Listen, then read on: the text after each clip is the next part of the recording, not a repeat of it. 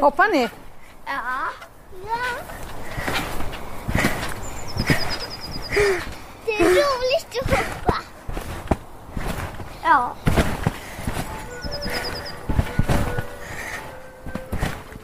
Ja, så här låter det när mina barn Siri och Folke hoppar studsmatta. Och så låter det i var och varannan trädgård nu när studsmattesäsongen är igång. Barn och ungdomar älskar ju att hoppa studsmatta, gärna tillsammans med kompisar eller med oss föräldrar. Men att hoppa studsmatta innebär också en hel del risker. Många barn skadar sig så pass att de måste uppsöka sjukhus. Så hur farligt är det egentligen att hoppa studsmatta? Är det verkligen en bra grej att ha hemma i trädgården? Och vilket är det vanligaste felet som vi gör när vi låter barnen hoppa? Det här tar vi upp i det här avsnittet av Families föräldrapodd med mig, Jenny Ågren. Och med mig har jag Alexandra Ganström som är barnens försäkringsexpert på Trygg Hansa. Välkommen hit! Tack! Hur vanligt är det med olyckor i studsmattan? Ja, men det är ganska vanligt. Eh, var tredje barn råkar ut för en olycka när de hoppar studsmatta. Sen är det lite olika grad såklart av skadorna men, men så det är många. Mm, vad är det för olyckor då som, de, som händer? Det vanligaste är ju att man hoppar för mycket, man blir överansträngd, det är stukningar, frakturer men faktiskt också mer allvarliga skador som nackskador och huvudskador. Och det, det kan ju såklart bli de allvarligaste konsekvenserna utav det. Mm, och hur många barn måste faktiskt ta sig till sjukhuset? Ja, alltså Myndigheten för samhällsskydd och beredskap, den senaste siffran jag sett är alltså 6 000 barn per år. Det är ju jättemånga. Det är jättemånga och tänk också att det är en väldigt kort period som man hoppas studsmatta. När det är utomhus i alla fall. Sen finns det de här roliga ställena man kan åka, åka till på vintern också. Men det är ju i huvudsak de här utomhusstudsmattorna. Är det säkrare att hoppa hemma än på sådana här ställen där det finns studsmattor? Alltså det händer ju faktiskt skador där också. Men där är ju mer där är det ju kontrollerat. Det finns eh, personal som jobbar där, de har tydliga regler vad du får göra och vad du inte får göra. Men det är klart att jag menar, olyckor händer ju. Mm. Och om vi tittar, om vi jämför till exempel med, nu är det många barn som behöver åka till sjukhus. Om vi jämför med hur det är för barn att vistas i trafiken. Är det farligare att hoppa studsmatta än att åka bil? Alltså, en av de vanligaste olycksriskerna för barn det är ju att hoppa studsmatta. Eh, och det är ju fler som åker in på akuten. Men alltså det är svårt också att jämföra olika typer av aktiviteter. För det som är viktigt, det är faktiskt hur vi beter oss och vilka säkerhetsåtgärder vi vidtar. Om man kollar på cykling till exempel. Det här hjälmanvändandet har ju minskat allvarliga olyckor enormt mycket kopplat till huvudskador och så. Så att vi kan ju göra så mycket mer för att det ska bli mindre farligt. Mm, och vad ska vi göra då för att det ska vara mindre farligt för barnen att hoppa studsmatta? Alltså det viktigaste, tycker jag, för det ser jag också att man faktiskt nonchalerar som förälder, det är att begränsa antalet barn som hoppar samtidigt. För det är den vanligaste anledningen till att en olycka händer. Du har alldeles för många barn, de krockar, de ramlar på varandra och har du dessutom inget skyddsnät så ramlar de av mattan. Hur vanligt är det att man inte har skyddsnät numera? Ja, men det är kring 20 procent som faktiskt inte använder skyddsnät. Och det finns ju en EU-regel som säger att jo, det ska man ha. Men fortfarande är det försäljare som inte skickar med ett skyddsnät när man säljer sin studsmatta. Så det, det ska man ha. Och vad finns det för andra fel som man gör när man låter barnen hoppa? Ja, men är, vi har ju varit inne på det här med antalet och med, med, nätet. Men sen är det ramskyddet. Är det tillräckligt bra ramskydd runt fjädrarna? Är det tillräckligt tjockt? Täcker det fjädrarna? Har man ens ett ramskydd? För det har jag också sett mattor utan. Eh, har man förankrat mattan i marken? Står den på plant underlag? Så att det finns lite små saker att tänka på. Och ha uppsikt är ju också en sån här sak. Speciellt när små barn hoppar. Så att man ser också hur det, hur det går för dem. Måste man hålla koll på sin 15-åring som hoppar? Jag tycker det. Eh, kanske inte att du behöver sitta där konstant hela tiden. Jag har ju själv en 15-åring hemma. Eh, men de vill ju gärna utmana sig. Eh, de vill gärna göra lite volter och det måste de ju få testa på. Du vet att jag har slitit sönder rätt många t-shirts och shorts när jag har stått och passat min son när han har gjort sina volter. Just för att han ska lära sig att kontrollera. Så jag tycker man ska vara med när de ska börja också utmana sin hoppning så att de, de blir säkra i det. Okej, men de här riktigt små barnen som hoppar, av, vad ska man tänka på med dem? Ja, alltså där har det ju mycket med storlek att göra. Vem hoppar det lilla barnet med? Eh, och där då max två på mattan. Det vill jag trycka på än en gång. Eh, är det en vuxen du vet den här trampolineffekten som man kan få. Eh, som många barn tycker, åh vad roligt det är. Men också som kan få, ja men det kan bli allvarligt om man eh, antingen studsar av mattan om det inte finns nät eller att man landar fel eller sådär. Så att storleken på barnen, bra om man är i samma vikt. Men det är ju så roligt att hoppa med barnen. Ja men det är klart att det är och det kan du väl göra, eller hur? Men som vuxen har du ju mer kontroll. Jag menar ett barn har inte samma balans, de har inte samma koordination. Så att de behöver en vuxen också som hjälper till och styr upp lite grann kring hoppningen. Och är du med som vuxen, antingen turas ni om eller så är ni försiktiga. Men vad tycker barnen om att hoppa då? Jag frågade min dotter. Jag heter Siri och eh, jag är nio år. Gillar du att studsa? Eh, väldigt mycket när jag kommer hem. Appa, Peppa! Shh, Folke. Vad är det som är så roligt med att studsa då? Nej, men man kan göra så här flera olika trick ibland. Och eh, mm, man kan bara göra olika trick. Man kan göra lite... Om man går på gymnastik eh, eller har gått på gymnastik då kom, kan man ju eh, så här, göra någon hjulning, eh, någon rundak, göra en volt, en bakåtvolt. Är du rädd för att skada dig när du hoppar studsmatta?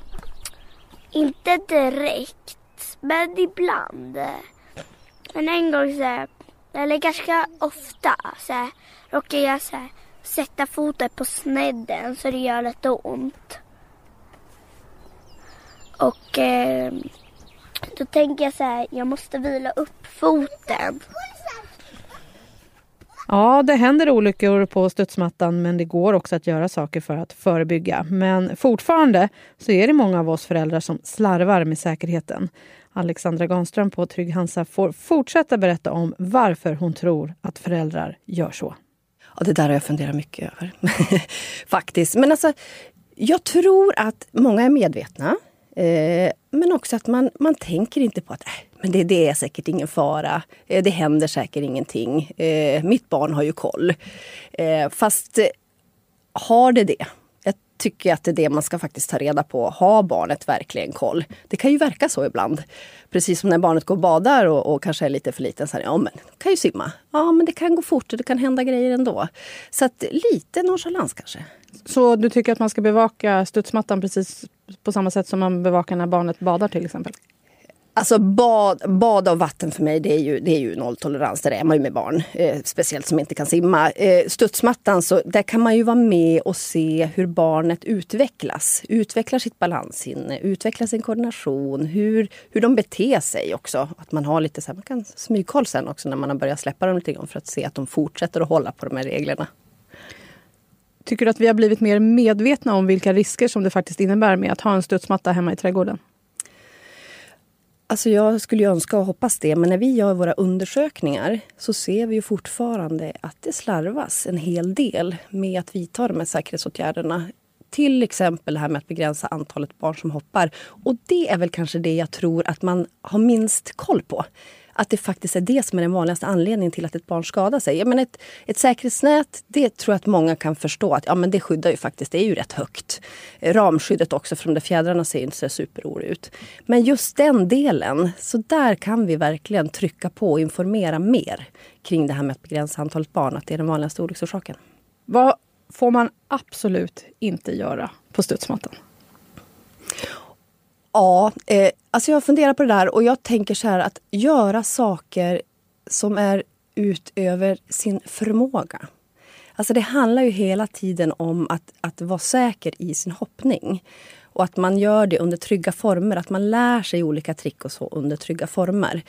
Eh, och det brukar jag också tänka kring vuxna vet du, ah, jag kunde ju göra volter när jag var 10 år. Ja, men det kanske inte är lika lätt när jag är så 45. Så att man ändå tänker på det där, att vill, var ligger barnet i sin utveckling? Eh, och att man är lite försiktig och tänker på det. Hur säger man sån sak till barnen då? Man ska alltid prata med barnen om säkerheten kring studsmattor. Eh, och då är det ju såklart att man ska göra det till en positiv upplevelse. Det får vi aldrig glömma för det är ju superbra att hoppa studsmatta. Eh, men prata om så här, ja, men vad kan hända om man hoppar fler än två. Eh, att, att man också, eh, för är du med som förälder, då är du där hela tiden och kan styra. Eh, så det är väl det, det främsta rådet när det gäller just de här mindre barnen. De studsmattor som finns på marknaden idag, eh, hur säkra är de? Det är väldigt varierande skulle jag säga. Det finns ju eh, rätt billiga studsmattor som har ett väldigt tunt ramskydd. Det följer inte med något säkerhetsnät. Det kanske är en matta som inte är särskilt hållbar.